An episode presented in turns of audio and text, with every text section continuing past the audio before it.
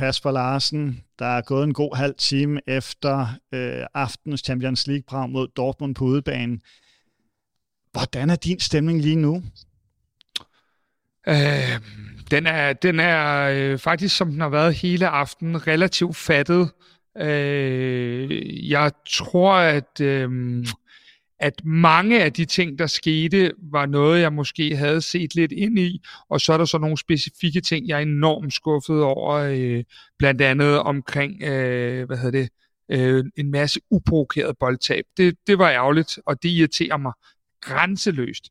Men øh, jeg er egentlig relativt fattet og er også øh, stor nok til at anerkende, når man møder et hold, der kan spille så stærkt, som, øh, og nu mener jeg ikke stærkt sådan, men hurtigt, som, som Dortmund kan. Der må man bare sige, at det er, øh, det er, øh, det, det er et klassehold, vi har mødt, og øh, når de skruer op for tempoet, så er der noget andet øh, fart over feltet, end når vi, øh, når vi spiller i den hjemlige liga.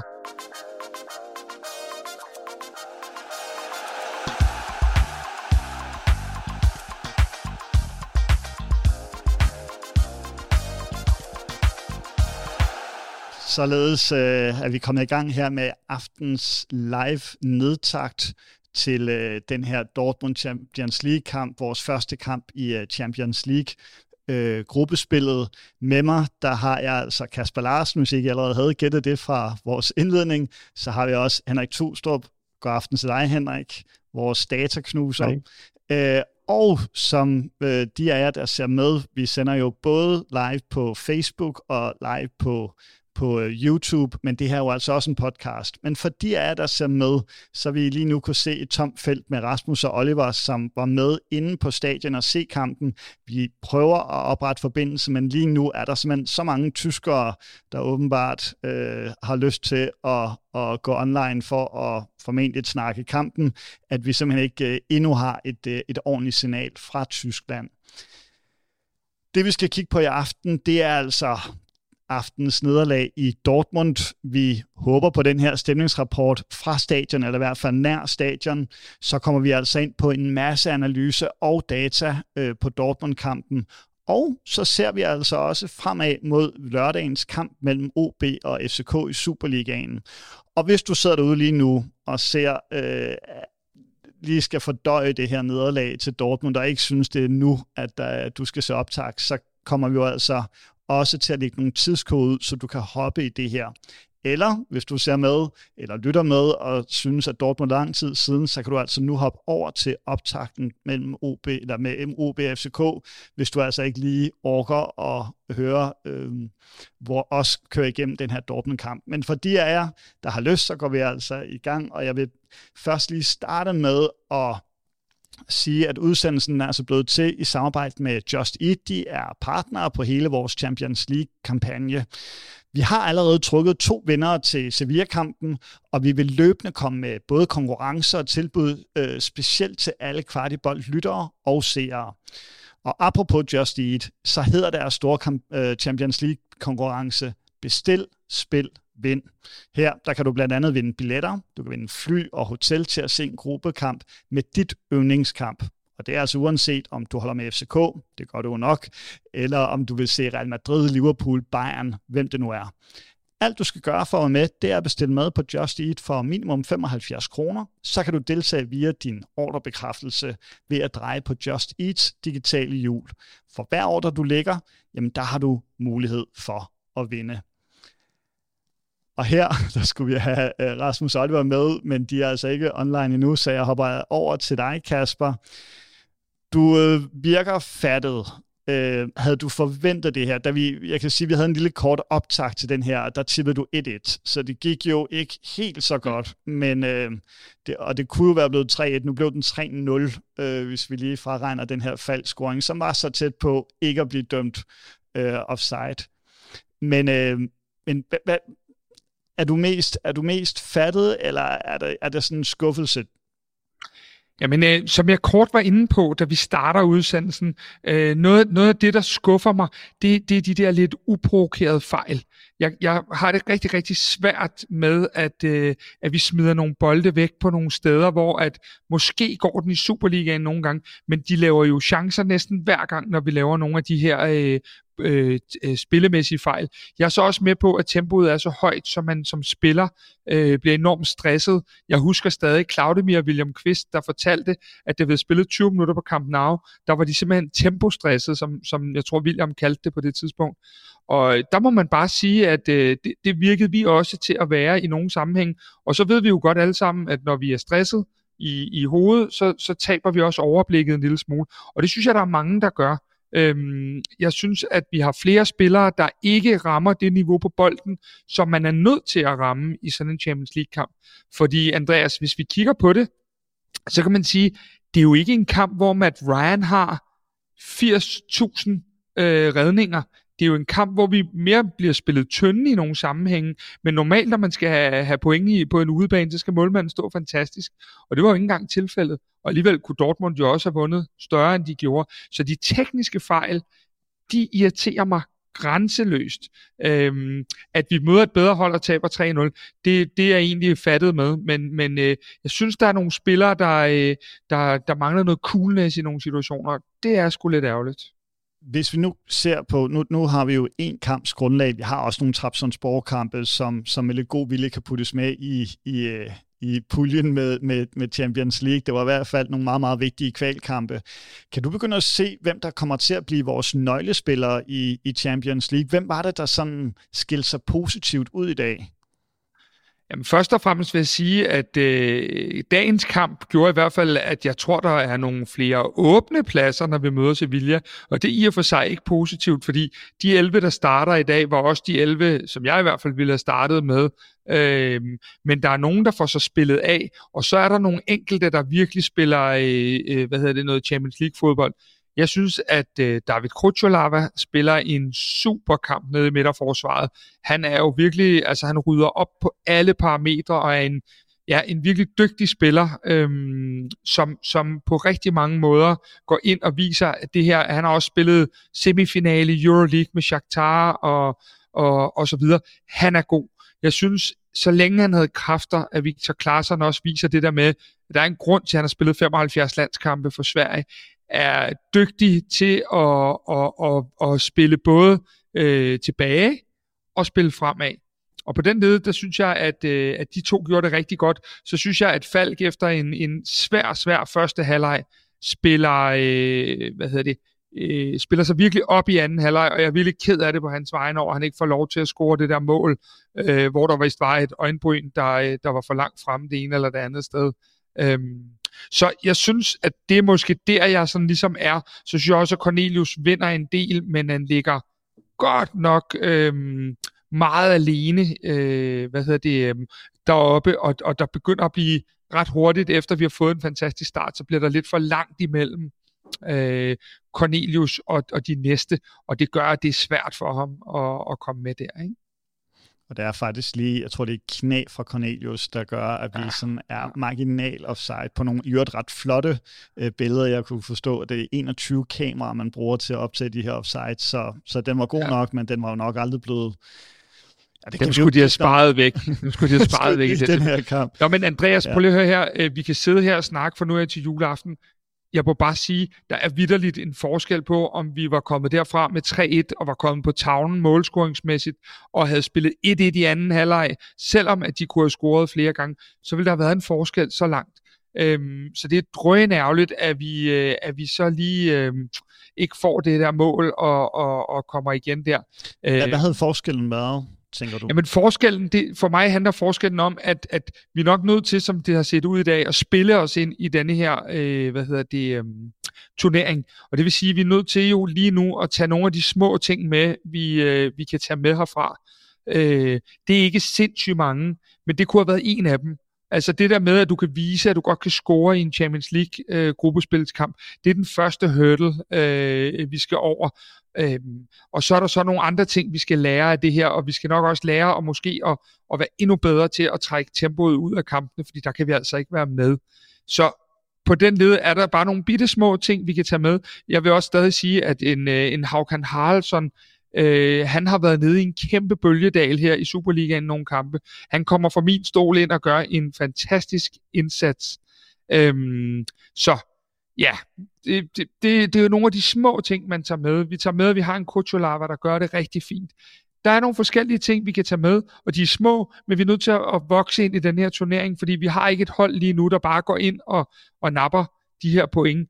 Men jeg bliver nødt til lige at sige, at, at i vores Champions League, de gruppespil, vi har spillet indtil videre, der har vi altså også tabt 9 ud af 12 kampe, så det er ikke noget nyt, at vi taber på udebane i, i Champions League. Jeg tror, at nogle af de måder, vi bliver splittet lidt ad på i dag, når de virkelig spiller hurtigt og laver deres cutbacks i feltet osv., det er måske det, der gør sådan lidt, øv, at, at vi ikke kunne dæmme lidt mere op for det. Øhm, fordi kvaliteten på Dortmund er bare så meget bedre øh, på alle boldspil, eller på alle spillere, på alle 11 spillere.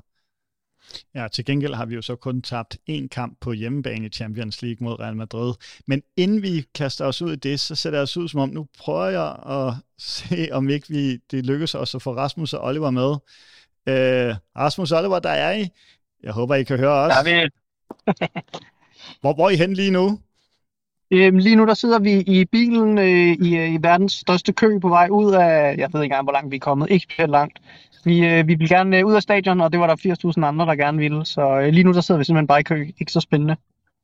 Men hvordan var det inde på stadion, og hvordan var, ikke mindst var mødet med den her berygtede gule mur?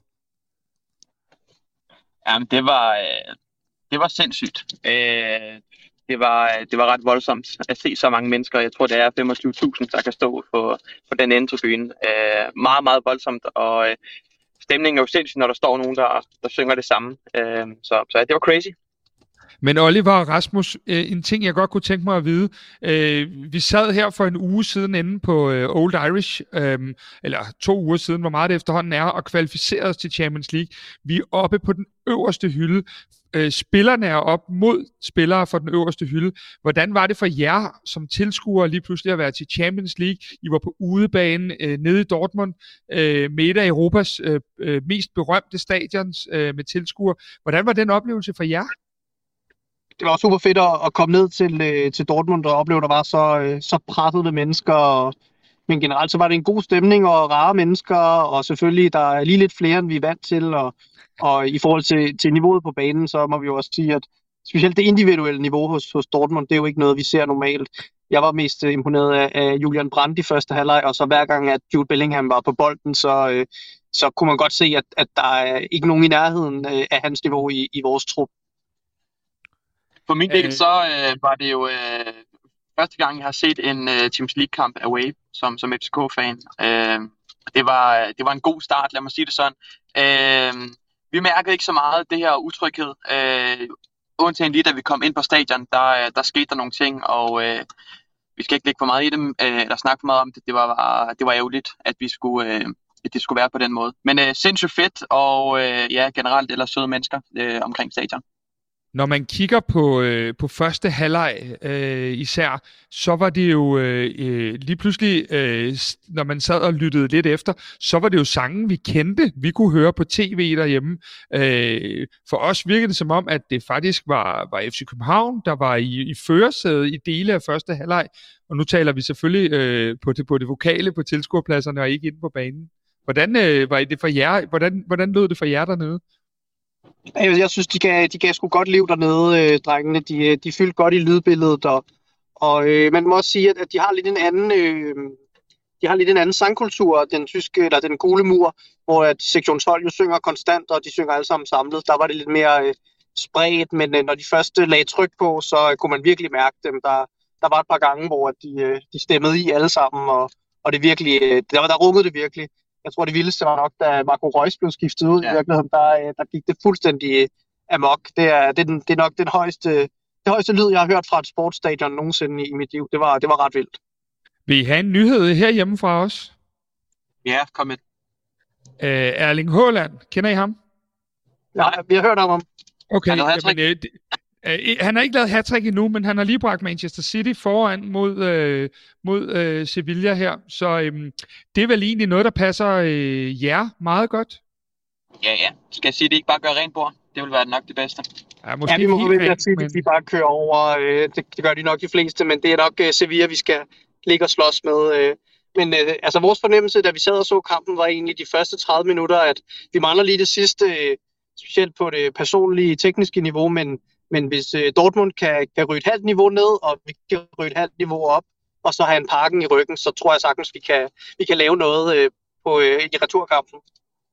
Man kan sige, I er jo øh, sat, I er sat ned, øh, vi, vi sendt, sendt ned af Just Eat for at se de her Champions League-kampe, få de her oplevelser og give noget tilbage til, til alle kvartiboldlytterne. Øh, når I sådan kigger tilbage, I har været afsted siden øh, klokken 5 i morges, eller noget, der ligner. Øh, hvad er det så, det her Champions League-magi giver? Hvad, hvad, er det, hvad, hvad er det, det giver jer som fans også? Men man kan jo mærke, at det er, det er noget specielt, og det er den største turnering, og, og øh, i virkeligheden så føler jeg jo, at, øh, at det er der, vi hører til. Selvom at man taber 3-0, så øh, er der måske nogen, der vil synes, at vi var meget overmatchet, men FCK hører til i Champions League. Gør de ikke det? Det er der ingen tvivl om. Det, det gør de altså. Og så skal jeg lige høre en gang, fordi at, at stemningen blev en lille smule mat herhjemme i, i anden halvleg i hvert fald. Øh, det er det, vi fornemmer både på kommentarer og så videre. Hvordan var stemningen der, altså da det efterhånden begyndte at stå klart, at, øh, at det her det blev, øh, det blev svært at få point? Øh, altså, det, det gyngede jo øh, omkring Dortmunds fat. Øh, det, var, det var ret sindssygt. På et tidspunkt, der, der hopper alle sammen på samme tid. Og der sidder man, vi, vi, vi øh, holder os siddende, og vi, øh, vi er, det er lige før, vi kommer op og stå, fordi det gynger så meget. Øh, så, det, så de havde selvfølgelig en fest. Og øh, ja, det er vildt, når, når alle synger på samme tid, især de her 25.000, der står bag det mål der. Men det er selvfølgelig svært at hive stemningen op, fordi I har ret. Der var ikke meget at skyde med til sidst, og, og vi taler måske også lidt om, at det, det er svært at smide noget ind, der kan ændre tingene, sådan som det er i, i oplægget, og det er jo nok det, vi savnede mest, ikke? At, at, at vi kunne sætte noget ind, hvor vi tænkte, okay, der, der kan ske lidt, hvis der sker noget her. Oliver, han råbte og skreg på en, der var hurtig. Ja, altså jeg, øh, jeg, det var faktisk også lidt det samme mod Silkeborg. Jeg savner virkelig en, der bare søger dybt og tror i, øh, i bagrummet. Altså, de kan jo holde den her høje linje øh, så meget de vil, fordi der ikke er en, der bare løber dybt en gang imellem. Øh, så får de lov til at stå der, hvor de gerne vil, og bokse med, med corner. Så det, øh, det skar jeg på sindssygt meget. Øh, og så var vi jo også indledningsvis i øh, den lille korte live, vi lige var på, at øh, inden, inden kamp, at vi, vi simpelthen ikke må lave de her fejl, som vi, øh, som vi gør, hvor vi bliver straffet. Øh, så det var, det, var, det var sindssygt ærgerligt. Kasper, har du nogle afsluttende øh, spørgsmål til Rasmus Holm, når vi sender dem ud i Dortmunds skader? Altså, øh, det, det er så mest til Rasmus her. Øh, Rasmus, jeg har øh, faktisk en, en, øh, en lille god nyhed til dig. Øh, her i programmet, der øh, laver vi også øh, optag til OB, så når du har været afsted på 24 timers tur, så øh, har du faktisk fri for øh, at lave kvart i optag i den her uge, så øh, det kan måske lige holde de sidste procenter i, øh, med grus i øjnene i nat, når I kører hjem af. Oh, det tror jeg, jeg skal fejre med en, øh, en ekstra lang lur på vej hjem. kan I have en rigtig god tur hjem, drenge. Det er fedt at have fulgt jer hele dagen på de sociale medier. Tak for, tak for indsatsen. Ha' det godt. Selv tak. Tur, ja.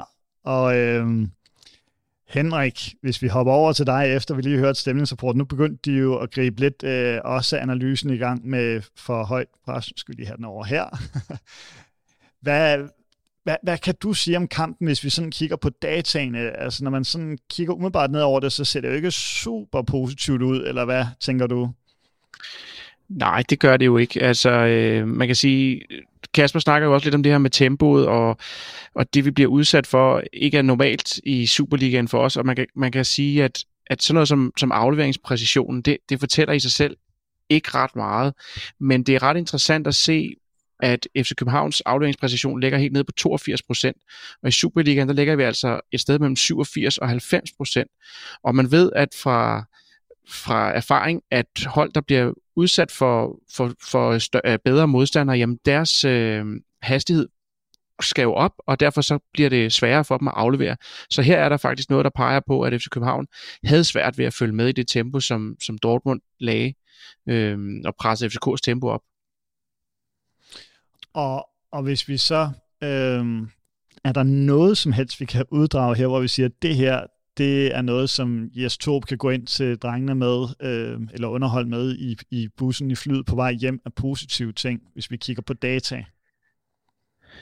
Ja, men altså, jeg synes, at det er meget fint, at vi, øh, altså, vi trods alt får skabt, øh, hvad kan man sige, vi får skabt øh, tre chancer inde i, i Danger Zone, i hvert fald to, to, to-tre chancer ind i Danger Zone. Jeg synes faktisk, at øh, det er meget fint, at det er det her med, at vi, øh, vi skal score på, på en enkelt chance. Man kan sige, er der offside, okay, men vi scorer jo faktisk også på på, på, på, øh, på den mulighed. Øhm, så, så det er jo det, jeg synes, at et hold som København skal holde på, at man kan lave et enkelt mål, og kan man så lukke af ned bag, eller kan, kan modstanderen måske ikke få, få, øh, få scoret på de chancer, de får, jamen så er det jo der, at FC København har muligheden for, os, for at få et enkelt, eller måske ovenikøbet tre point med hjem. Så det synes jeg faktisk er meget fint.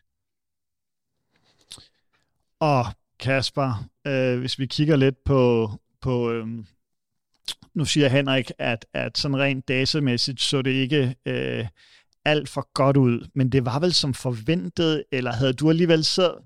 Vi har været lidt inde på fornemmelsen af kampen, øh, men sidder du med... Nu prøver jeg bare at hive det her ud, men, men et hvert Champions League-hold vil helt automatisk blive sammenlignet med, med 2010-holdet, altså 10-11 sæson, hvor vi jo blandt andet formår at spille lige op med, med Barcelona. Hvilken fornemmelse sidder du der i forhold til? Var det her bare en, en lidt, lidt øh, nervøs premierekamp, hvor at tempoet er lidt for højt til os, eller, eller kan det her hold vokse? Selvfølgelig kan det vokse, øh, men, men man må også sige, at hvis vi lige skal bevare benene på jorden fuldstændig solidt plantet, så bliver jeg nødt til at sige, at som klub og organisation og så videre, der er vi, har vi vundet et, et, et dansk mesterskab, som måske kom lidt shaky ind. Vi er kommet i Champions League. Det er måske endda en hylde over, hvad vi havde måske skulle i år, øh, hvis vi kigger på det. Vores vores klub er ikke en Champions League-klub lige nu, og det vil sige, at vi kommer til at bokse seks kampe mod nogle kæmpe øh, sværvægter, hvor at, at, at vi kan jo ikke som klub øh, tage nogle kvantespring, som er øh, så voldsomme øh, øh, på, på, på så kort tid. Vi skal gøre en god figur, og vi skal også kunne gøre nogle ting dygtigere og bedre end i dag. Men jeg synes ikke, at, at vi, øh, vi på nogen måder er derhen af, hvor vi hverken som, som klub og organisation og trup og, og på alle meter, mulige parametre er øh, øh, der, hvor vi var i 2010-11. Det, øh, det, det vil jeg da ærligt indrømme, det synes jeg bestemt ikke, vi er. Så vi kan godt vokse i turneringen, men at vokse i den her turnering i, for, for, for det her hold, er nok ikke at gå videre med 7 point eller 10 point, som vi gjorde øh, i, i 10. Øh, det er nok nogle andre små sejre, vi skal kigge ind i, hvis vi skal være på den realistiske bane, fordi vi er måske mere et Euroleague-hold lige nu, øh, som så gudskelov kvæg økonomien er, er kommet ind med i, i Champions League. Så jeg synes, at der er noget realisme, vi, skal, vi er nødt til at have ind, hvor vi er øh, inden at vi fælder de, de voldsomste domme. At der så stadig er nogle ting, hvor at vi virkelig skal, skal steppe op, det er sådan en anden sag. Så hvad er det for nogle små sejre? Hvad er det for nogle ting, vi skal lægge særligt mærke til, eller prøve at måle os med? Jamen det er jo det der, som jeg sagde lige før også. Vi skal, vi skal få scoret det første mål. Vi skal måske se, om vi kan holde et clean sheet. Vi skal øh, vinde nogle flere dueller. Der er nogle forskellige parametre, vi, vi, skal, vi skal vokse ind i turneringen på. Vi skal også have point. Vi skal ikke gå herfra med seks nederlag. Det er ikke det, øh, der, er, der er essensen af det her. Men der er nogle små ting i kampene, når vi møder så dygtige hold, som vi bare simpelthen skal, skal blive bedre til. Og så skal vi, vi selvfølgelig udnytte, at vi har tre gange udsolgt parken, hvor at vi, øh, vi kan lave nogle flere øh, ting, end vi måske kan i dag. Fordi vi må bare sige, at øh, vi i dag øh, er et stykke efter at kunne matche Dortmunds tempo. Det kan man også se, at der er flere spillere, der slider i det rent fysisk. Øhm, øh, efter der en, en time til 65 minutter. Jeg tror simpelthen ikke, at folk, heller ikke mig selv for den sags skyld, har en idé om, hvad det er for et temposchok, man bliver udsat for, når man normalt øh, spiller i den danske Superliga, kontra det at, at rykke helt op fra Conference League op til Champions League.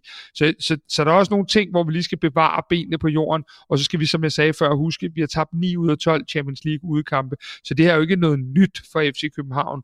Øh, det var måske lige lidt øve, at, den ikke, øh, at vi ikke tabte med to, øh, og havde fået det her reduceringsmål, men ellers så, øh, så synes jeg sådan set, øh, at, at, at ja, det, det var i det lav, man kunne forvente på nær de tekniske fejl. Det er jeg over.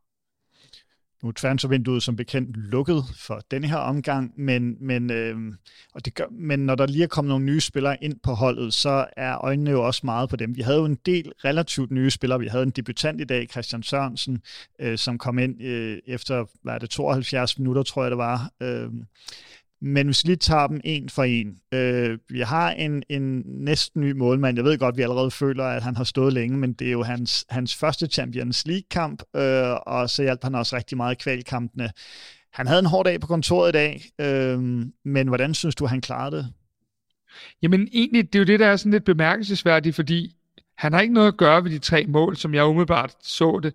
Øh, og han har jo måske en redning, jeg lige kan huske i anden halvleg. Ellers er det jo, fordi de brænder chancerne. Øh, de har sådan en klodsmajor chance, på, hvor den er på 100%, hvor de selv for, formår at sparke den videre. Der er nogle forskellige ting, hvor de gør. Men Matt Ryan er jo ikke en, der er i fokus i dag. Han, er, han spiller jo en relativt sådan anonym kamp. Han tager alt det, han skal, laver ingen fejl. Men det er jo ikke ham, der er spektakulær og holder den på 3-1. Øh, mere øh, Dortmunds egne øh, ja, nu sagde vi klodsethed før. Så Matt Ryan er, er jo bare godkendt og, og fortsætter sit stabilt høje niveau, ingen tvivl om det. Og måske skulle lige tage den hurtigt, Henrik. Øh, den her chance, de her, øh, hvor, hvor at, at de to Dortmund-spillere nærmest ja, står i vejen for hinanden. Hvor højt er vi op på sådan en XG på den? Det så ret vildt ud. Ja, men det ender med at være, som jeg ser det her, så er det Mokoko, der får, får afslutningen med sin venstre fod. Og den siger faktisk en XG på 0,3, så det er også en af de her øh, store chancer, som, som øh, Dortmund har en hel del af i, i, øh, i kampen. Jeg havde faktisk troet mig næsten højere, det så i hvert fald mit hjerte, det stoppede lige med at slå et, et kort øjeblik. Øhm, ja, men 0,3 det er også ret højt. Det er da meget højt faktisk. Det er det okay. faktisk. Det er sjældent, at chancerne er helt deroppe. Hvad er det, et straffespark ligger på? Jamen, det straffespark ligger helt op på, på 0,8 eller 0,79, kan man sige, ja. Okay, så et halvt straffespark, der i hvert fald øh, øh, gik helt galt her.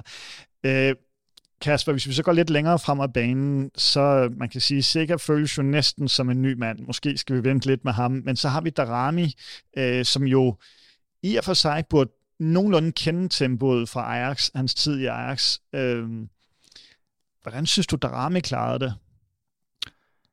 Det var nok dagens største overraskelse, øh, og desværre ikke en af de gode.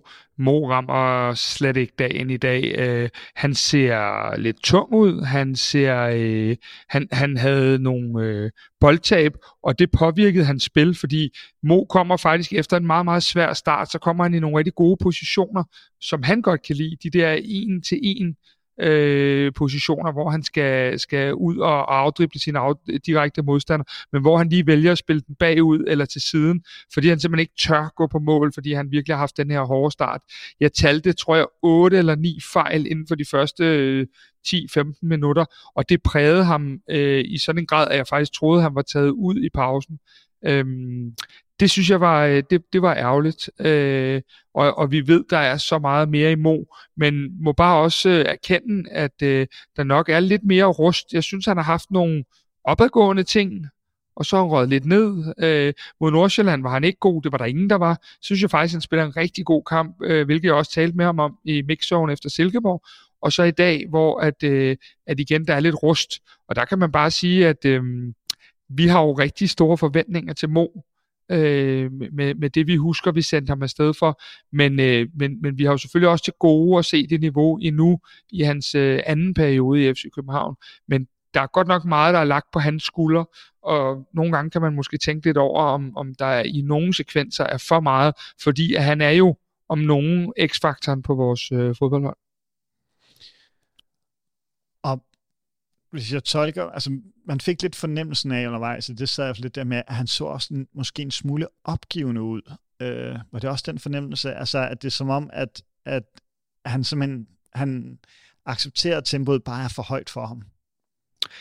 Jeg ved ikke, om han accepterer det, men, men det der med, når du, når du har været ude i så lang tid, som, som Mo har i Ajax, øh, så er du selvfølgelig ramt på selvtilliden. Det får et boost, når du kommer tilbage i parken øh, for comeback mod Brøndby øh, med en fyldt hvid parken, der, der øh, hylder ham.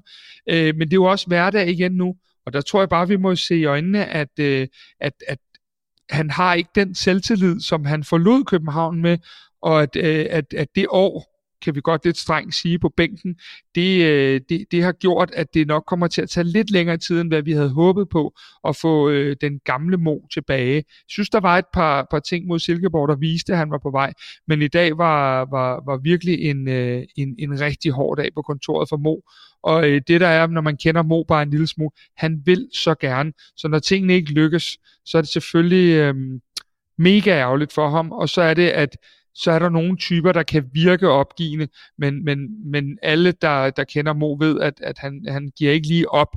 Han, øh, han skal nok være der, men det var han ikke i dag. Det var han bestemt ikke i dag. Og så skal vi helt op på toppen, hvor vi har vores hjemvendte Cornelius, øh, som vi jo slog ud i sidste runde, eller lige op til Champions League. Nu får han mulighed for at være med alligevel. Hvordan klarede Cornelius det i dag? Cornelius er jo en af de få, synes jeg, der vinder lidt dueller, når vi, øh, når vi sådan kigger det. Men Cornelius lider jo lidt under i dag, at han ligger øh, meget, meget langt for de næste. Den første halve time, hvor vi jo faktisk er rigtig godt med, øh, efter en altså nærmest forrygende start på kampen, øh, hvor Sækker jo egentlig øh, snitter ydersiden af stolpen med sit langskud også, øh, der er Cornelius jo godt med i nogle ting, men så begynder der simpelthen at være for langt fra, fra den forreste mand og ned til dem, der skal komme i anden bølgen, anden rækken. Og øh, der er det altså næsten umuligt for ham at ligge og kæmpe med to, tre, fire Dortmund-forsvar alene derop. Jeg synes, han slider og slæber og gør, hvad han kan, men, men det er jo ikke en kamp, hvor vi får sat ham rigtig i scene, øhm, desværre. Så, øhm, så jeg synes egentlig ikke, at der er noget udsat på Cornelius, men jeg synes klart, der var, øh, der var for langt i dele af kampen mellem øh, vores forreste mand og vores næste linje. Og det, øh, det, det kommer Cornelius til at lide under, fordi Cornelius er jo ikke typen, der afdribler fem, øh, trods alt. Så må vi også lige sende en varm tanke til en spiller, der ikke var med i dag, øh, Pep Biel. Så du har savnet ham undervejs i den. Han kunne have gjort en forskel. Nu får han jo en fantastisk start i Olympiakos. Vi, vi ved, hvad han kan gøre. Øh, savnede du ham i, i dagens kamp? Jamen det, det gjorde jeg faktisk, fordi noget af det, som jeg har været allermest ærgerlig omkring, som jeg også har påpeget nogle gange, det har været det der med de mange fejl, der bliver lavet øh, teknisk. Og der kan man sige, der var Pep jo øh, i hvert fald super dygtig til at holde i bolden. Og det er, jo, det er jo måske lige præcis det, du sidder og spørger ind til nu. Det er jo det der bindeled, der var måske, eller kunne have været, mellem Pep Biel i en, i en, øh, i en 10'er-rolle, øh, måske en, en 8'er-rolle i dag, og så frem mod Cornelius. Det var jo den connection, der, der måske kunne have, have, have været god i dag, fordi vi laver så mange af de der boldtab, så vi manglede den der spiller, der kunne øh, holde lidt i den, øh, afdrible en mand, gå lidt, dreje lidt rundt om sig selv, trække tempoet ud, Øh, Falk kom, kom efter det i anden halvleg og spiller faktisk en ret stærk anden halvleg. Øh, men ellers så, så er vi for mange, der, øh, der bliver, kan man sige, for nervøse på, på, øh, på bolden og bærer præg af, at det er første gang, de spiller Champions League øh, fodbold. Så ja. Og så har vi en på ingen måde ny spiller, men alligevel en spiller, som, som øh, er heldigvis endelig tilbage, Seca. Øh, han har jo været en rigtig, rigtig, rigtig vigtig spiller i vores øh, europæiske kampe, øh, den berømte græske krog. Hvordan synes du, han gjorde det i dag? Nu prøver jeg at lade være at lade det her spørgsmål. Ja, men altså, øh, øh, vi er jo vant til, at Saka i Superligaen tit overmatcher, når han har de her dueller, hvor han kommer med, de der, øh, med den der krog. Men vi må også bare se i øjnene, at i dag rykker vi et niveau højere op, og der har Saka måske ikke nok kampe i, under bæltet, efter at han... Øh, er han kommet tilbage fra skaden, fordi der er nogle af de her dueller, også omkring målene øh, i første halvleg, hvor han øh, bliver den lille i, i nogle af de her fysiske øh, infights, hvor han normalt kan kroge sig ind på sin modstander i Superligaen. Det lykkedes ikke her. Øhm, fordi jeg synes jo egentlig, at Seca var en af dem, der var relativt ok på bolden, men, men han taber et par af de dueller, og det, øhm, det er selvfølgelig ærgerligt, fordi når en sekser taber nogle af de dueller, så er det lynhurtigt, at, at, øh, at, at vi bliver straffet. Øhm, og det bliver vi jo også ved 1-0 og 2-0 målet, uden at det på nogen måde skal lyde som om, at det bare er Sekkers fejl. For der var flere fejl i de mål, øh, som der bliver lavet inden da. Og sikker, han bliver så skiftet ud, det er det 72 minut, og ind kommer så vores helt nye indkøb, Christian Sørensen. Hård kamp at komme ind i på det her tidspunkt, står det jo altså Øhm, hvad var dit første indtryk af Christian Sørensen i den hvide trøje? Jeg synes, det var sparsomt, hvad jeg kan sige om Christian Sørensen. Men jeg synes, at han virkede rolig i hvert fald. Det var en af de ting, jeg tænkte. Han lod ikke til at gå i panik over. Altså, nu ved jeg jo, at Jonas Vind, han debuterede på øh, Vanda Metropolitana i Madrid mod Atletico Madrid. Det er også lidt af en debut at komme ind til. Øh, øh, Christian Sørensen er jo det, der hedder øh, populært hedder en late bloomer.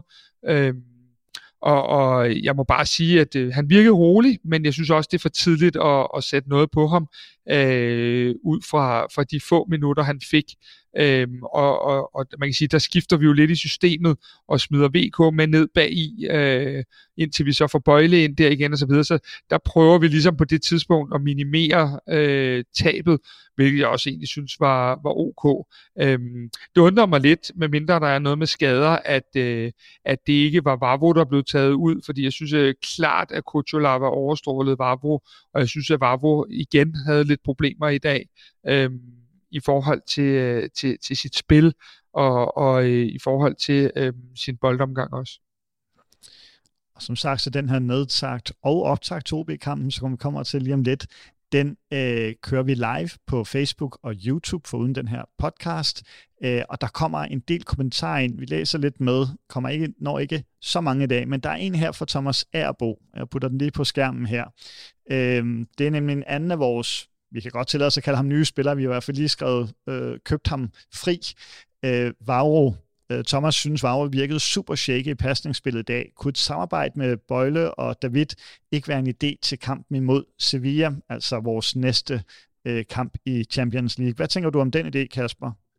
Jeg tænker, at øh, Thomas Agerbo og jeg, vi øh, ser det samme fodbold, øh, fordi det var øh, fuldstændig... Øh, jeg sad med med øh, en, en god ven, som er yderst fodboldkyndig og så kampen også. Og det var også ligesom vores konklusion på det, at, øh, at det, det på mange parametre ville være det, hvor den vej vi ville gå. Øhm, det, det er der ingen tvivl om. Så ja, så det, det, den, Thomas, den, øh, den, den, øh, om ikke andet, så kan vi to stå på mål for den. Så ved jeg ikke, hvor mange andre, der kan det. Men jeg synes faktisk, at det, øh, at det, det, var, det, det vil være en fornuftig løsning. Også fordi, at vi er nødt til at være mere rolige på bolden.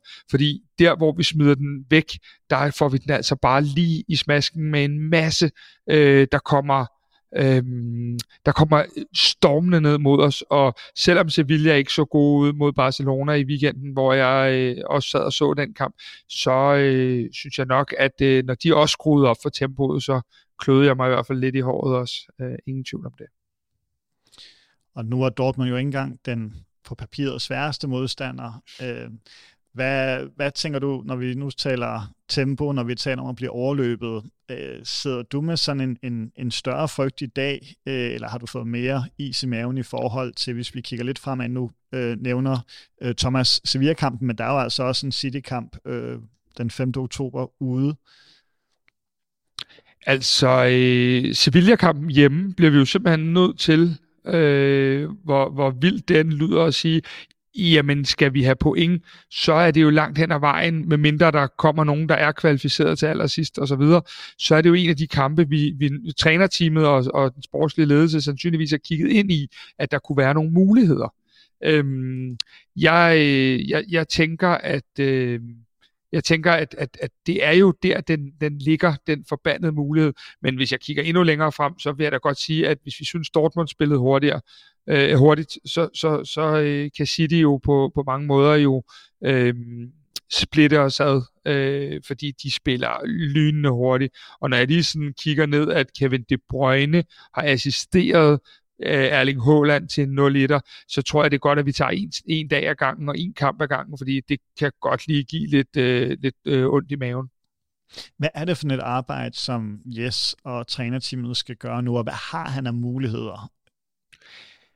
Altså, øh, der ligger jo noget i at få set kampen igennem og, og kigge på de her boldtab, fordi at øh, der, der er vi nok nødt til måske at, at kigge på, om vi kan sætte spillet nogle andre steder fra, fordi de der øh, boldtab, der ligger omkring den øh, sekserpositionen, og når otteren trækker med ned, øh, de, dem skal vi simpelthen undgå. Så øh, om, om vi måske skal overveje, at vi er nødt til at spille lidt mere primitivt i nogle sekvenser, det kan godt være en mulighed, fordi øh, ellers så kan vi godt gå ind og få nogle høvl, øh, fordi vi kan se, at vi jo bare bliver, altså vi bliver løbet midt over, når det er, at vi har de boldtab.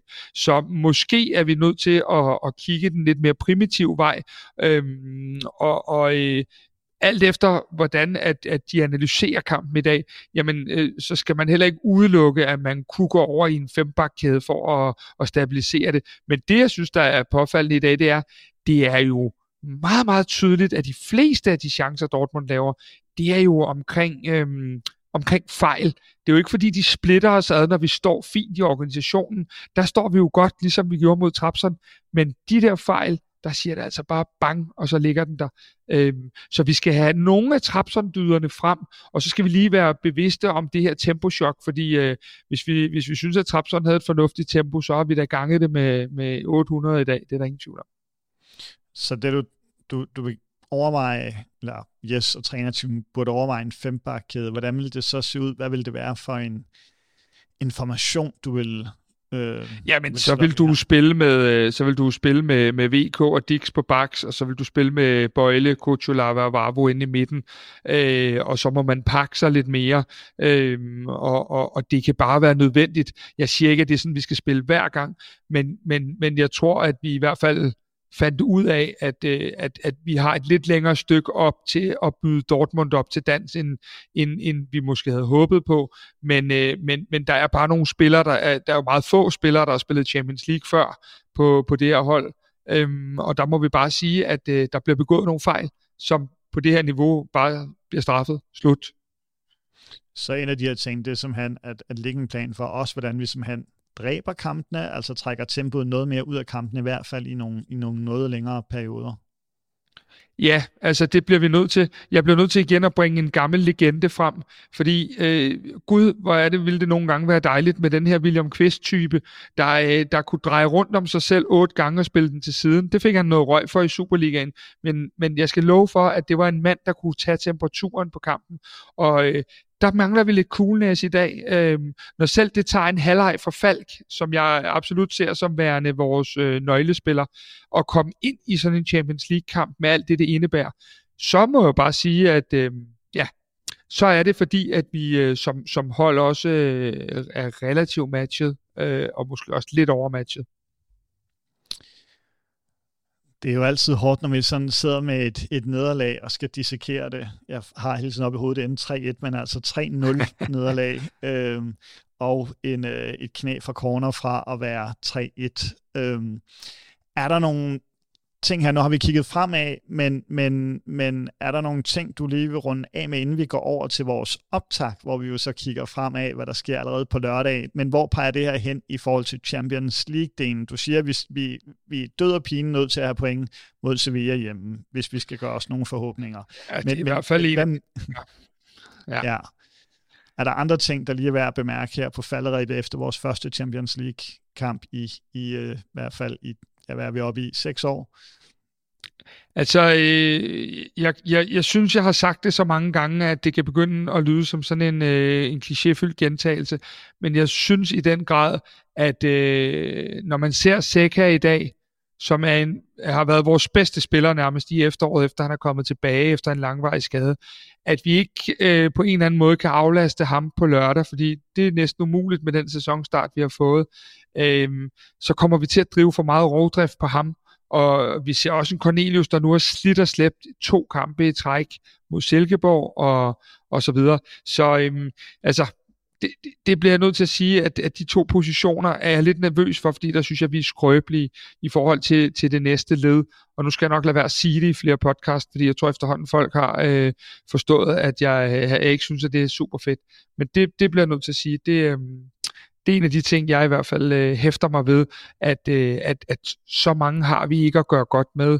Vi kan ikke skifte fem eller seks på, på søndag, på lørdag, fordi vi er efter i Superligaen, og så skal vi sgu allerede spille næste onsdag mod Sevilla. De kommer jo hele tiden, de her kampe.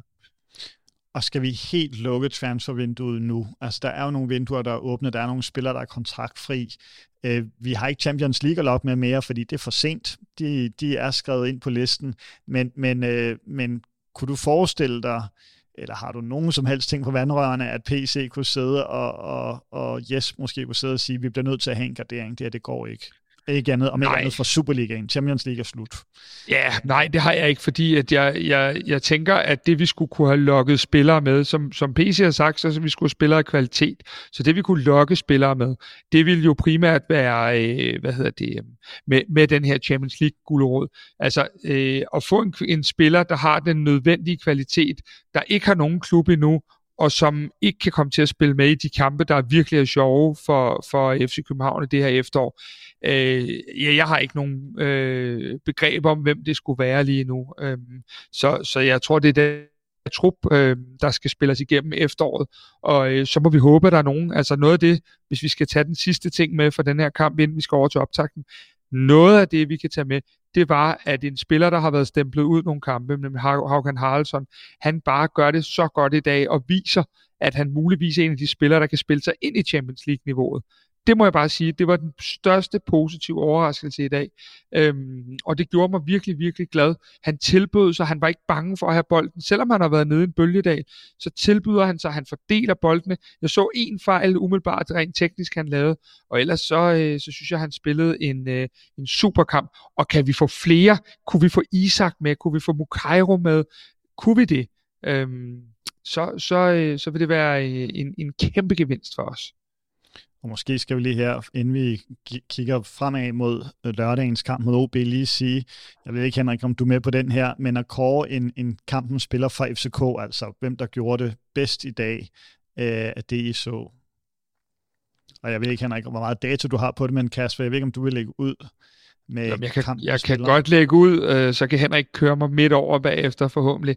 Øh, jamen, jeg, øh, jeg vil sige det sådan, at øh, når jeg kigger all over på, på alle 90 minutter, øh, så synes jeg, at øh, David Rucholava er for mig øh, kampens bedste spiller med et par runners op, men David Rucholava. Og Henrik? Jeg tror, du har muted dig. Jeg sætter... Det har du vist. Du har muted dig selv, Henrik. Undskyld. Jamen, jeg, jeg går simpelthen med Victor Clausen. Ja. Øh, og det gør jeg egentlig også. Øh, jeg synes, det var meget svært at finde ud af, hvem, øh, sådan, når jeg ser kampen, hvem jeg skulle hvem jeg skulle synes var den bedste, fordi det var lidt svært, ikke? Men øh, Victor Clausen, han er i hvert fald også den spiller, der får den højeste score inde på, på fodbold. Øh, så det, det lægger jeg mig op af. Og dermed så runder vi, øh, runder vi dagens øh, kamp af. Hen, øh, Henrik, vi sender jo live her. Jeg tror, du rød over på din øh, dårlige mikrofon, så øh, vi får brug for din gode stemme og din gode analyse til, til øh, OB-kampen lige om lidt. Så hvis du kan hoppe over på, på den gode mikrofon, du har foran dig, så vil, øh, tror jeg, at vi alle ikke mindst lytter. Ja, det, det, det er sindssygt vigtigt, fordi ellers ender jeg med at skulle levere data, og så, øh, så er der ikke flere lyttere tilbage. Så helt klart.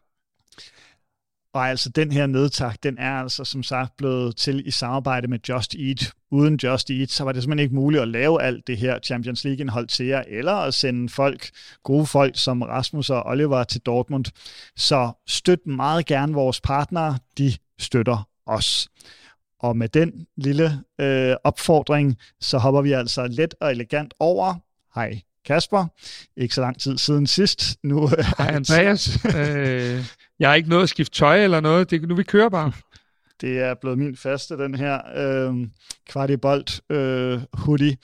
Øh, det er, der er jo ikke, som du, som du sagde, da vi så sidst for et par sekunder siden, der er jo ikke lang tid til, vi skal spille igen. Allerede på lørdag skal de her spillere i aktion. Hvis vi lige skal lave og knytte en lidt sløjfe til det her. Det var en hård kamp. Vi blev overløbet rent moralsk. Havde det været bedre, sagde du med, hvis vi lige havde fået det der ene mål, og så havde spillet 1-1 i det mindste i anden halvleg. Hvad, hvad tror du, det er for et hold, vi ser, hvis vi bare lige starter med det, inden vi går ned og, og også lige kigger på OB. Hvad er det for et hold, vi ser på, på lørdag, der går ud, og tror du, der er mange, der er blevet skiftet ud? Nej, jeg tror ikke, der er mange, der er blevet skiftet ud. Men en af de ting, jeg forholder mig lidt til, det er, at den næste Champions League-kamp, kommer allerede på onsdag. Og i og med, at der er et par stykker af vores spillere, der ikke leverede måske en helt optimal præstation i dag. Der var også et par stykker, der så meget, meget trætte ud. Så, så vil jeg mene, at kampen mod OB kommer perfekt for nogle af de spillere, der måske, som vi så i dag med en Haugen Haraldsson, kan, kan komme ind og byde på noget. Så hvis jeg kigger den vej, og hvis jeg kigger på det, så, øh, så vil jeg sige, at det, at der er nogle, nogle pladser på spil, det, det er jo selvfølgelig ærgerligt, øh, fordi det ville være dejligt, hvis vi havde en start, der bare øh, kørte derud af. Men det gør, øhm, at, at jeg synes, at vi øhm, at, at der er nogle spillere, der har mulighed for at komme ind og shine nu og, og tage, der, tage en plads. Altså, kommer du ind, som Isak for eksempel gjorde i foråret, hvor han kommer ind og, og lige pludselig scorer i et par kampe i træk og sådan noget, jamen så spiller han jo på, på, på onsdag. Længere er der jo ikke på, ind på holdet lige nu. Så det er det, jeg tænker, hvis vi har de her to, tre, fire udskiftninger, så er der en mulighed for, at, I, øh, at, at, at, at, at, at man kan komme ind her og, og gøre noget og få de der Champions League op, opstillinger, eller hvad hedder det, øhm, det, det vil være min, min, min bedste ting. Og Henrik, nu håber jeg, at du har allieret dig med den gode mikrofon igen. Øhm, hvad er det for net, hvis vi nu kigger, det var så, øh, vi vender selvfølgelig tilbage til FCK, men hvis vi lige kigger en, en, en, en sand på OB, nummer 11 i ligaen PT, øh, de har ikke fået den bedste sæsonstart, men hvad siger dataene, hvis vi, hvis vi dykker lidt ned i dem? Jamen, øh, man kan sige, at OB er jo øh, det hold, der har øh, indkasseret øh, flest afslutninger imod. De har hele 124 afslutninger på, på 8 kampe. Altså det er øh, cirka 14,5 per 90 minutter. Så øh, kigger vi på de her øh, store chancer, så, øh, så er det også et hold, der indkasserer flest af, næst flest af, af de store chancer. Øh, og kigger vi faktisk på, altså man kan sige, har de, de startet dårligt. OB startede dårligt i, i, i sæsonen her, og man kunne måske kigge i, i, i tendenserne, om der måske skulle være en bedring i deres defensiv. Men kigger vi på perioder, hvor kampen er lige, så er der altså stadigvæk en, en klar tendens af, at, øh, at OB de indkasserer et øget antal chancer imod. Øhm, og det ser ikke, altså, ser ikke ud til, at de får stabiliseret den her øh, defensiv. Øh, de har faktisk indkasseret flest mål på, på øh, skud uden for feltet, hele fem styks. Øh, så det er, det er en defensiv, der, der har en, en del problemer. Og hvis vi øh, omvendt øh, ser på, oh, nu har vi lige Dortmund her mode, hvis vi omvendt ser på, hvor mange chancer der er øh, skabt til gengæld. Øh, jeg kan jo godt lide, hvor grafen ligger for København, men hvordan ser det ud der i forhold til OB, altså store chancer, der er skabt? Ja, men OB de skaber faktisk ret mange chancer. De skaber øh, femte flest af de her store chancer, altså hvor XG'en er større end 0,25. Øhm, og det er jo, hvad kan man sige, et offensiv, der, der kræver noget, men, men øh, de har ikke helt fået, fået øh, hvad skal man sige, udnyttet, at de faktisk skaber godt med chancer. Og der kan man sige, en spændende spiller som, øh, som øh, Charlie Hornemann, en, en 18-årig spiller som talent fra, fra OB, han har faktisk haft hele seks store chancer, altså det er flest øh, på, på OB's hold. Han har kun fået scoret et mål. Øhm, han har spillet tre, 320 minutter. En, en rigtig spændende spiller, ser jeg. Øhm, men lidt symptom med, at han øh, ikke kan få scoret på de her store chancer, som OB trods alt har. Så hvad er det, vi sådan skal, skal, skal lægge mest mærke til? Hvis du kigger på dataen, hvad er det så, du tænker, vi skal holde mest øje med her? Jamen, den vil jeg egentlig lægge lidt over til Kasper også, men altså, jeg ser jo, at øh, generelt er det, OB's defensiv har problemer på flere fronter. Øh, men blandt andet sådan noget som indlæg, altså der er faktisk, øh, de har 12 chancer er skabt imod OB på indlæg. Der er godt nok kun indkasseret to mål, men de her 12 chancer, der er skabt imod på indlæg, det er altså flest i, i øh, Superligaen. Så jeg ser, at der måske er en sandsynlighed for, at, øh, at Kasper han har en spændende kombinationsmulighed i at kunne skifte ind. Ja, fordi når, når, øh, når Henrik han siger øh, indlæg, og at det her kunne godt blive en, en chancerig kamp, hvis jeg siger Christian Sørensen, Ja, det, er jo, det vil jo være øh, løgn andet end, at, at øh, trods alt så forbereder Henrik og jeg os jo en lille smule til programmet, og øh, hvad hedder det... Øh, jeg, jeg ser ud fra Henriks data, han fortalte mig tidligere i dag, at øh, det er jo en oplagt kamp. Øh, VK har slidt og slæbt nede i Dortmund. Han skal højst sandsynligt slide og slæbe igen mod øh, Sevilla. Øh, det er en oplagt kamp for Christian Sørensen at debutere i. Øh, og når det så yder mere, er, er et, et, et svagt punkt for OB med de her indlæg, så er der ingen tvivl om, at, øh, at, at jeg synes, den kamp ligger rigtig godt til ham. Øh, så så jeg, jeg tror, vi får Christian Sørensen at se i en, øh, i en, øh, i en startelver på, øh, på lørdag. Det, det er faktisk ret overbevist om. Og hvis vi lige skal lave en lille power ranking, altså med de mest formstærke spillere. Øh, jeg ved ikke, nu fik du æren af at vælge kampens spillere i Dortmund, øh, eller mod Dortmund, Kasper, så jeg ved ikke, om du vil lægge ud, Henrik, øh, og have æren af, øh, hvis vi kigger lidt på data. Hvem, hvem er jo. det så, der, der topper den? Jamen, øh, skal jeg starte med min nummer tre? Så, ja, det synes jeg. Øh, ja, så, så starter jeg med... Øh, ja, det synes jeg. jeg. Jeg har en gammel øh, kending med, som, som ikke har været på min liste i lang tid, desværre. Øh, Victor Christiansen, han kom med, og det gjorde han øh, en og alene, fordi han øh, simpelthen laver et assist, og så øh, er det altså 15 kampe siden han sidst har lavet en assist, så jeg synes, at øh, vi skal prøve at give ham lidt medvind, fordi vi har behov for, at, øh, at han også kan komme i gang og med at, at levere nogle, øh, nogle nøgleafleveringer til, til afslutninger. Ja, men øh, den, den tager jeg da gerne over på. Øh, som altid har vi jo ikke set hinandens papirer, Henrik, men øh, jeg har VK som, øh, som, øh, som min nummer tre. Det er en fremragende assist, han laver. Og så øh, kan man sige, det er jo faktisk under det, man kunne kalde maksimal pres, fordi der er lige hentet en ny spiller ind, som, øh, som vi har brugt øh, relativt mange penge på til hans position. Det er første gang i lang tid, at vi har en backup på venstre bak, der er venstrebenet. Øhm, og den spiller, der kommer, er jo en af dem, Henrik, det har du selv sagt nogle gange, der har sørget for allerflest assist i øh, Superligaen. Så hvad er et bedre svar end at, øh, end, end at, at, at lave en assist på den dag. Så øh, jeg har det ligesom dig. Jeg er jo øh, elsker VK og hans energi, og øh, jeg synes, han er ved at vokse øh, så ind i det, han var på et tidspunkt efter en lille bølgedag. Så hvad, hvis vi lige afbryder den her, inden vi går videre til nummer to i power ranking, det, det giver jo Jes lidt nogle hovedbrud, hvis, øh, hvis Christian Sørensen kunne være en, en, øh, altså en, en mulig starter.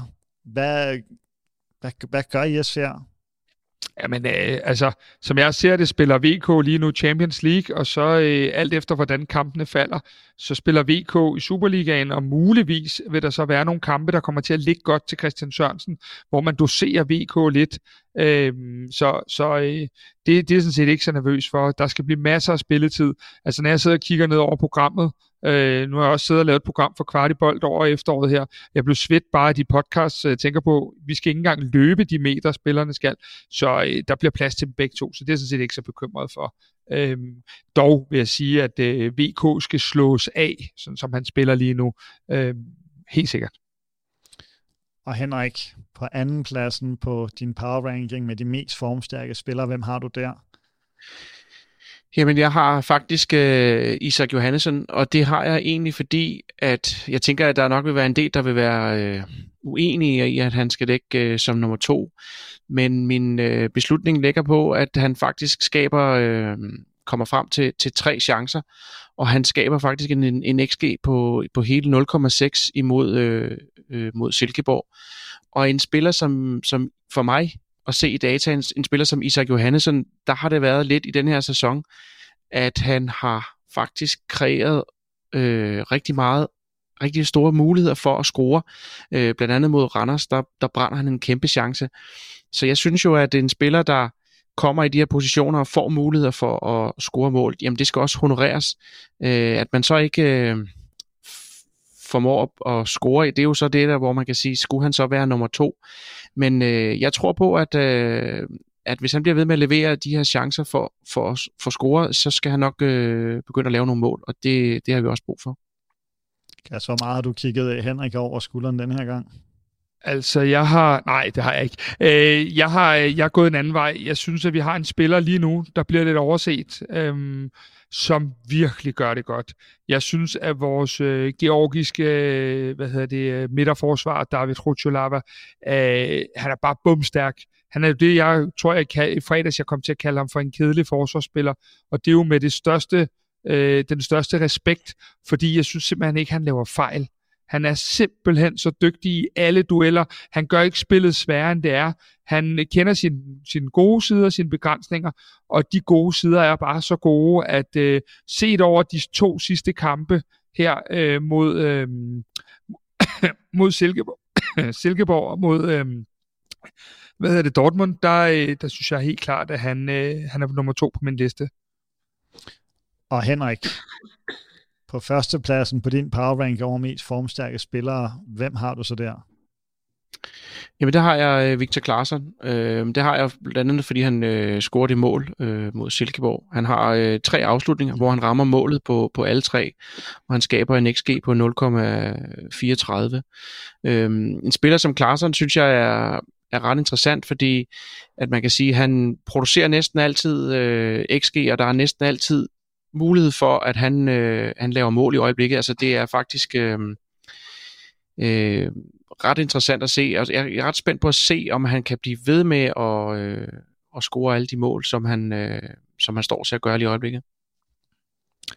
Ja, men øh, undskyld. Øh, jeg har ikke kigget Henrik over skulderen her, men, men Victor Claesson, det er også klart min nummer et. Øhm, vi sad lidt og jokede med under øh, kampen, at vi havde fået, øh, at vi havde fået øh, Markus Albæk ude på kanten i stedet for. Det er mere for at sige, at det er en sindssygt dygtig, agerig svensk spiller, med, som er enormt sympatisk, som øh, leverer, har et sindssygt højt bundniveau, leverer hver kamp, øh, har lavet voldsomt mange mål for os allerede, og, og også i dag viser øh, mod Dortmund, at han er, han er god. Og det mål mod Silkeborg, øh, det viser, hvor fantastisk en timing, at spilleren har øh, i sin løb i feltet. Ham får vi øh, rigtig meget glæde af, og hvor er jeg glad for, at vi har en lang kontrakt på ham. Fordi øh, han kan blive rigtig god, især rundt om corner og nogle af alle de der nedfaldsbolde, hvor han er så klog og kommer ind og ligge. Så øh, der, der, for mig er der ingen tvivl om, at Victor Claesson er lige nu øh, nummer et på min liste. Ja, ja, hvis jeg må tilføje lidt, altså sidste sæson, der laver han øh, et mål og tre assists på 778 minutter. Og indtil videre, der har han så spillet 738 minutter, og nu har han lavet seks mål og øh, en assist. Så øh, antallet af minutter, det er stort set det samme. Han har bare lavet øh, fem mål mere, end han gjorde i sidste sæson. Så øh, han har fået... Jeg, jeg, jeg mener, jeg fik øh, snakket om på et tidspunkt med Klaassen, at han havde et... Altså det her XG var højere end hans antal mål, altså at han burde have lavet flere mål øh, hvor jeg kiggede lidt på, om, om det var fordi han var dårlig til at afslutte, eller om han måske har været uheldig. Men man kan i hvert fald sige, at, at nu producerer han stadigvæk højt XG, og nu får han så også simpelthen øh, indløst det her XG og for, for, øh, for banket bolden i mål. Og hvis vi nu, nu er I jo varmet op her med power ranking, hvis vi skal tippe på et resultat i, øh, i øh, lørdagens kamp, vi, ja, nu må jeg jo bare bringe lidt statistik frem her. Det er ikke super svært at huske, for vi har tabt, så har vi vundet, så har vi tabt, så har vi vundet, så har vi tabt, så har vi vundet i Superligaen. Lykkes det at bryde den her øh, helt utrolige, men meget stabile op- og nedtur, vi har i Superligaen? Hvad siger du, Kasper? Den bryder vi. Vi vinder 2-0 på, øh, på lørdag.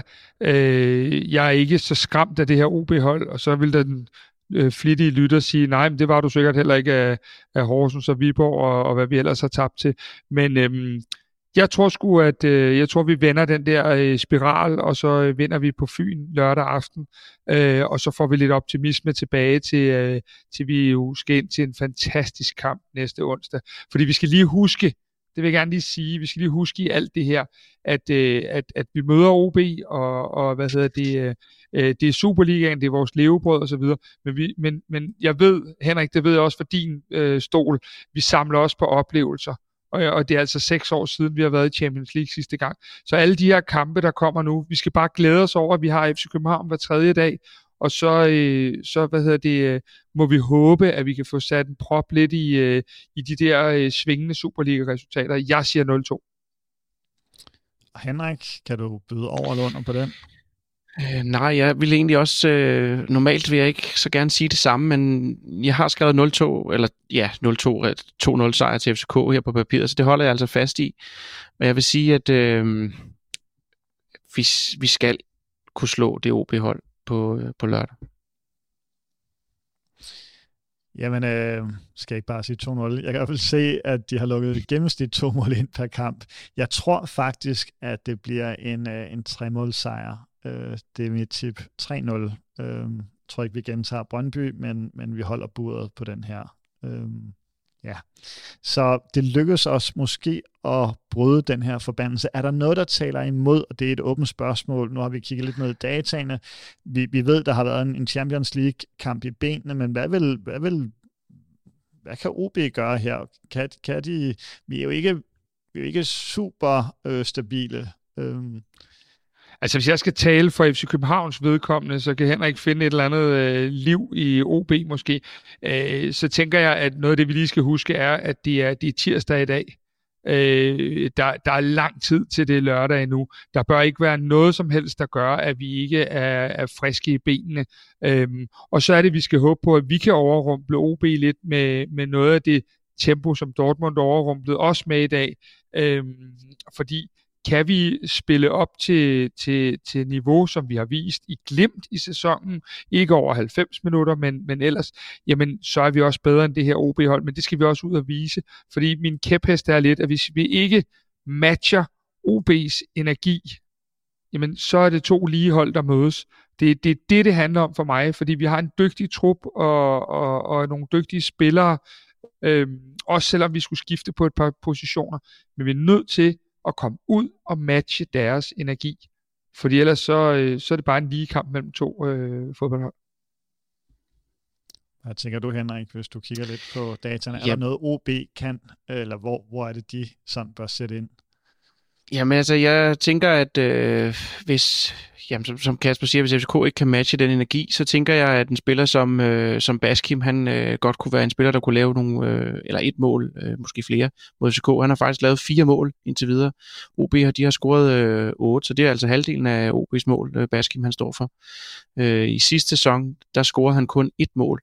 Så øh, Baskim kunne være en mulighed for, at, øh, for et OB-mål. Nu, er der ikke nogen, nu har vi ikke snakket så meget lige i, i, i her i optakten om Corner, altså vores øh, helt nye, eller tilbagevendte, nye gamle, gam, nye gamle øh, stjerne. Øh, han gjorde jo noget af et, et indhop i sin første Superliga-kamp. Ikke at han scorede, men han fik skabt lige pludselig. Der var meget mere luft, der var mange flere. OB bliver vel også nødt til at sætte et par, par forsvarsspillere på ham, hvis de skal holde ham væk. Vi har et potentielt våben, enten starten eller ude på bænken i Christian Sørensen. Hvad ser du, Kasper, i forhold til sådan angrebsdelen? Altså, det er jo nogle nye strenge, vi skal spille på. Både på godt og ondt, altså med Bjæl ude, eller med Biel videre. Ja, det er der ingen tvivl om. Vi skal, vi, vi, skal, vi skal sørge for at variere vores spil. Vi må ikke spille så ensidigt på Cornelius og på, øh, og, og på de høje indlæg. Vi skal variere det, fordi det er der, vi kan blive dygtige. Det er, hvis vi, øh, hvis vi, øh, hvis vi får lavet en veksel imellem øh, hvad hedder det, øh, at spille det der hurtige mellemrumsspil, som vi, som vi jo mestrer, øh, og så få baksene med og få indlæggene. Så er det, vi gør Cornelius farligere, fordi så har vi flere strenge at spille med. Hvis vi forfalder til bare at, at smække den op på Cornelius, jamen, øh, så, så bliver det for endimensionelt, og så øh, bliver det også for let at lukke ned. Så, øh, så det skal vi helt klart. Vi skal sørge for at få fyldt folk i feltet. Lea, Havkon, Klarsson, nogle af de her spillere, øh, skal være inde omkring Cornelius, så han ikke kommer til at ligge sig alene. Det er nogle af de ting, vi skal have gang i i hvert fald så vil der er sådan et punkt, som, øh, som en gang imellem kommer med, sådan med, med tos hovedpine. Den kan jo både være positiv og negativ. Øh, vi var lidt inde på Christian Sørensen, som kunne være en positiv hovedpine. Øh, er der nogle andre ting der, eller er der, nu bliver det lidt dobbelt spørgsmål, men det kan være, at de leder samme steder hen, er der nogle ting, du i hvert fald er særlig nysgerrig på i forhold til, øh, når vi nu øh, skal ud og have vores første sejr i træk i Superligaen, eller det vil altså sige vores anden sejr i træk, første gang vi vinder to kampe i træk. Jamen det, det, det igen, det falder tilbage på det, jeg sagde før. Det falder tilbage på energiniveauet. Fordi kommer vi ud og matcher OB i energiniveauet, så er vi en-to klasser dygtigere på, på stort set samtlige positioner. Så det er for mig det allervigtigste. Øh, det er, at vi gør det. Og, og, og, og det skal vi simpelthen kunne gå ud og levere. Vi har ikke råd til flere svipser i Superligaen. Øh, vi er ved at være øh, sat en lille smule, og vi skal ikke øh, være for fine til at sige, at hvis øh, både Randers og Nordsjælland øh, efterhånden betragtes som sikre i top 6, så har vi både Midtjylland, Brøndby, FC København, der halter. Der skal ikke meget til, før et af de tre hold ikke kommer med i top 6. Det bliver vi også nødt til at have som en faktor, og derfor skal vi, øh, skal vi ud og matche dem på energi, og, og så det, som jeg også sagde før, vise, at der er et par pladser, øh, der er ledige på det her øh, Champions League-hold, som vi, øh, som vi skal ud og, og, og kæmpe for, som, som nogle af de spillere, der måske ligger som nummer 12, 13, 14 stykker.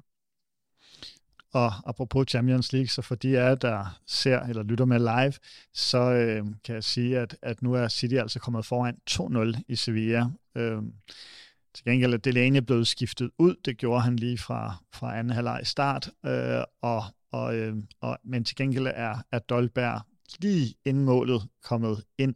Øh, så de spiller stadig med en dansker på holdet, øh, nu i hvert fald. Det, hvis vi lige, nu vil jeg godt, jeg, jeg lige springer lidt i det, men det ser meget godt ud i forhold til, at det Sevilla, vi kæmper formentlig med pladsen om, om den her øh, potentielle tredjeplads, der vil være, om ikke andet kunne bringe os videre i Europa League. Ja, det gør det da, men jeg, jeg, altså, jeg tror simpelthen, at Manchester City bare kører samtlige hold over i, i denne her. Det kan være, at de tager en kamp til sidst, når de er sikret, men øhm, jeg tror ikke, vi skal lægge så meget i det her, andet end at det selvfølgelig forværrer den situation, Sevilla i forvejen er i, med at have de samme problemer, som vi har i den hjemlige turnering, og at de måske også bliver nødt til øh, et stykke ind i Champions League og skifte nogle folk, fordi at der kommer nogle kampe derhjemme, som lige pludselig bliver vigtige. Men hey, det er det også for os, så øh, jeg lægger ikke så meget i det. Men det vil da håbe, de lige øh, laver et par stykker mere, så vi ikke behøver at, at lægge sidst fra start af. Og således begynder vi stille og roligt, tænker jeg, i hvert fald at nærme os afslutningen på denne her nedtag til Dortmund-kampen, optag til OB. Er der nogle afsluttende ord, et eller andet, som vi ikke lige fik vendt? En eller anden lille detalje, og nu lader, lader det være helt frit. Det kan også være, der lige dukker noget op i forhold til Dortmund. Det er jo en dobbelt, øh, eller det er jo, hvad hedder sådan noget, en sandwich, en dobbeltpakke, vi får her i dag. Nej, jeg vil sige, at øh, jeg skal lige til at optage lidt morgenbriefing bagefter. Det kommer ikke til at handle om, om Dortmund-kampen, øh, i hvert fald ikke om selve kampen, for det har vi dækket her. Så øh, klokken 5 i morgen tidlig kommer der nogle nyheder, blandt andet lidt omkring øh, Peter Ankersen, som ikke var med i Tyskland. Øh, så gå ind og lyt til den øh, umiddelbart. Øh, det, det, det, vil være, øh, det, det vil være den eneste afsluttende ting. Ellers synes jeg, vi har været rigtig godt rundt omkring øh, det hele. Jeg kan mærke, at mit humør er stadigvæk en lille bit smule mut. Jeg ved egentlig ikke, hvorfor jeg havde forventet mere end en øh, uh, 3-0 øh, nederlag, men, men på en eller anden måde havde jeg alligevel den der, at, at det kunne godt være blevet til lidt mere. Vi begyndte jo godt. Jeg tror, det er det, der sådan lidt sidder i, i kroppen. Hvad med dig, Henrik? Har du nogle afsluttende betragtninger til aftens dobbeltprogram her?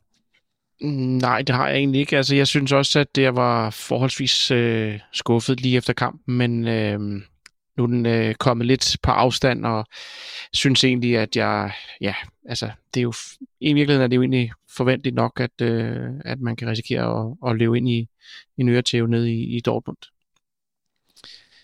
Og således så øh, fik vi rundet den her øh, nedtagt og optagt af. Vi kommer jo ud i et hav af kampe, som Kasper også var inde på. Det er jo et, øh, selvom det lige nu føles lidt, måske lidt, lidt øh, lidt tungt, at man lige skal rejse oven på et 3-1-nederlag, så er der, eller 3-0, 3-0 nederlag, så, øh, så, øh, så er der jo altså meget, meget kort tid øh, til mellem kampene nu her, så vi bliver jo altså belønnet, øh, beriget med en masse spændende kampe.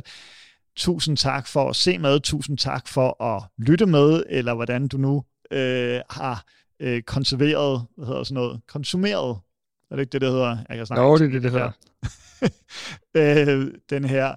Øh, vi er tilbage, som Kasper teasede for, med, med øh, indtil flere morgenbriefinger, inden at vi altså igen slår dørene op for OB-kampen, og det bliver selvfølgelig også med en nedtakt indtil da. Så vil jeg bare sige op med humøret. Vi skal nok øh, komme stærkt tilbage. Tak fordi du så med.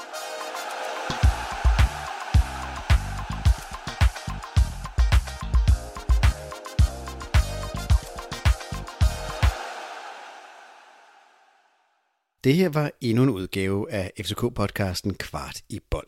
Eftersom du har lyttet med helt til nu, så har det forhåbentlig været tiden værd. I så fald vil vi sætte pris på, hvis du vil give os en god anmeldelse i Apple Podcast, eller hvor du end måtte lytte til den her podcast. Hvis du er ny lytter af podcasten, så skal du huske at abonnere på os i din podcast-app, så du aldrig går glip af nye afsnit. Vi er også meget interesserede i at vide, hvad du synes om podcasten, og hvad vi kan gøre for at lave en endnu bedre podcast. Der ligger et link i shownoterne til et spørgeskema. Det tager kun et par minutter at udfylde, og det betyder alverden for os. Der ligger også et link til vores Facebook-gruppe, hvor vi forsøger at skabe en nuanceret og værdifuld debat om FCK. Og så er der også et link til vores nyhedsbrev, hvor vi samler op på interessante historier og perspektiver om FCK. Det er blandt andet her, at vores dataanalytiker Henrik Tystrup skriver meget detaljerede analyser af FCK's spil og FCK's spillere.